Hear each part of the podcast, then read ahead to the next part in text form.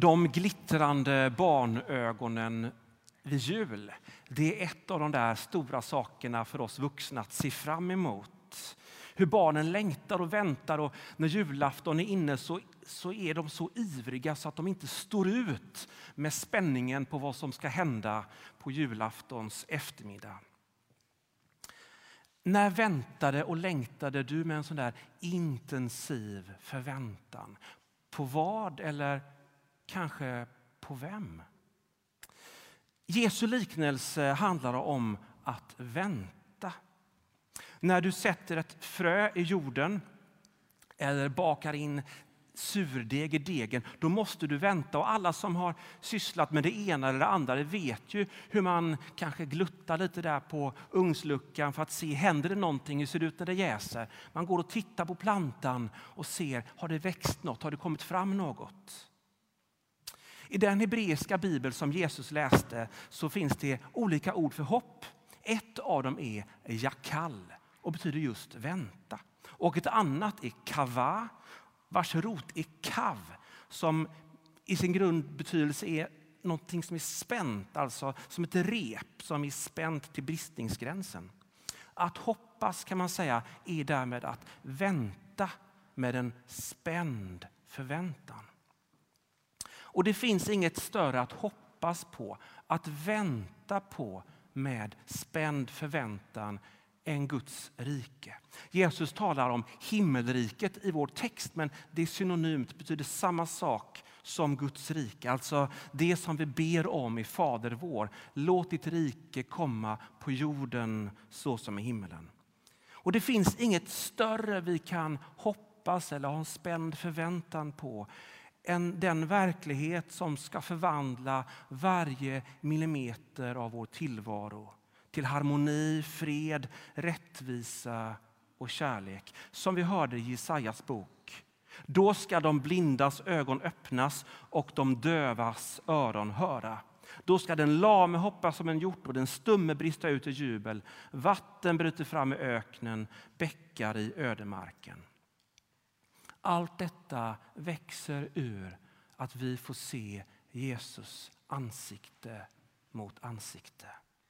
Det är den största julklapp vi kan vänta på med spänd förväntan och därför som vi kan hoppas på att vi får av vår himmelske far. Vi hoppades att vi hade pandemin bakom oss. Nu är vi inte riktigt lika säkra längre. Vi har väntat och längtat på att livet ska återgå till det normala. Att vi ska kunna ses som vanligt, att vi ska kunna göra allt det där som fyller vårt liv med mening och innehåll och glädje. Och väntan har varit särskilt smärtsam för dem som har varit isolerade. Många väntar med smärta i kroppen på den försenade operationen. Många som kommer hit till Sverige väntar med oro på ett uppehållstillstånd för att få träffa sina nära och kära. Det som ofta gör att väntan blir svår är att vi väntar på en befrielse från det som plågar, som förstör och förgör. Och när Jesus berättar den här liknelsen för första gången så plågas de ju under den, det romerska förtrycket av den romerska ockupationsmakten. Det plåg, den plågsamma väntan gör att vi, har, att vi vill ha en snabb förändring. Vi önskar att vi kunde knäppa med fingrarna och så var allt hemskt borta. Vilken förändring och befrielse längtar du på? Väntar du på? Hoppas du på? Vad är det som plågar just dig? De som lyssnade på Jesus vid den här tidpunkten hoppades på att Guds rike skulle komma med ett brak och förändra allt i ett ögonblick. Men så säger Jesus att Guds rike kommer som ett litet, litet frö. Som en liten bit surdeg som bakas in i ett stort bak. Det sker långsamt, gradvis. Det är någonting som växer fram. I fröet så finns ju faktiskt hela växten. Hela Guds rike, hela framtiden finns inbakad i början. Hela förvandlingen av kosmos av världen, av människan, börjar med något som är mindre än ett senapskorn. Det började med ett befruktat ägg i Marias livmoder. En enda cell, ett enda frö. I detta enda så fanns all kraft som en dag ska förvandla allt. denna enda cell blir ett värnlöst barn, en människa och en enda människa planteras som ett frö i dödens mörker, blir osynlig för att växa upp till en planta som inte längre kan dö.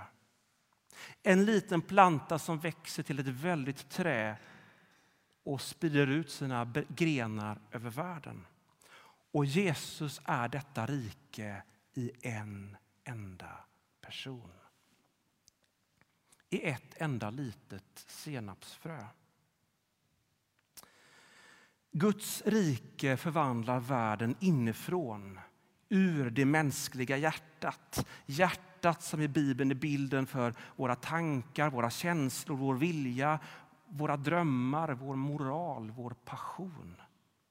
Vi längtar efter, efter förändring och befrielse. Vi längtar efter att det goda livet ska komma in i oss och i vår värld. Men all förändring och förvandling har sin början i att vi förändras på hjärtnivån. Att våra tankar förändras. Och därför våra känslor, och vår, vår moral och vår vilja och därför våra handlingar. Jesus är senapsfröet som väntar på att få myllas ner i vårt eget hjärtas djup. Och när vi öppnar oss i tillit för detta senapskorn som är Jesus och låter det få komma ner i vårt hjärta kommer det rike som en dag ska förvandla allt gradvis förvandla oss redan här och nu. Vi vill att förändringarna ska komma med ett bang. Vi vill att Gud ska gripa in och sätta stopp för all ondska. Vi vill att det som gör så hjärtskärande ont, det som skaver och plågar oss, som får oss att tappa modet, som får ångesten att gripa tag om oss och det depressiva mörkret att svepa in oss i en våt filt, att det bara ska försvinna. Men Guds sätt är att börja med det lilla, så sig som ett frö i våra hjärtan. Detta innebär också att det som vi väntar på med spänd förväntan. Det är inte bara någonting som ligger långt framför. Vi väntar som barnet på julafton och paketet ligger faktiskt redan under granen och vi har redan fått en present i strumpan. Att hoppas med spänd förväntan är enligt Bibeln inte optimism. Det bygger på vad som redan har skett vad Gud redan har gjort. För senapskornet har såtts ner i dödens mörker och uppstått med evigt och förvandlat liv. Detta senapskorn, detta uppståndna korn är begynnelsen av Guds rike och han är här idag. Vad Jesus säger till oss idag det är rikta hela din uppmärksamhet uppmärksamhet mot mig. När du väntar på mig växer ditt hopp. Jag har gått i döden för dig. Jag har uppstått för dig. Jag är redan närvarande i ditt liv med fullheten av det rike som en dag ska förvandla allt. Jag är närvarande i ditt liv som ett senapskorn. Be om nåden att det smärtsamma i ditt liv hjälper dig att rikta din blick och förväntan mot mig som redan nu är hos dig med allt du behöver för din vandring. När du gör detta så flyttar framtiden in i dig här och nu som ett senapsfrö som börjar växa i ditt hjärta. Och du orkar vänta med spänd förväntan, för jag är hos dig. Jag är här med min barmhärtighet, jag är här med min förlåtelse, jag är här med mitt ljus som fördriver allt mörker. Jag är här med mina läkande krafter. som ett senapskorn i ett brutet bröd och i en droppe vin. Amen.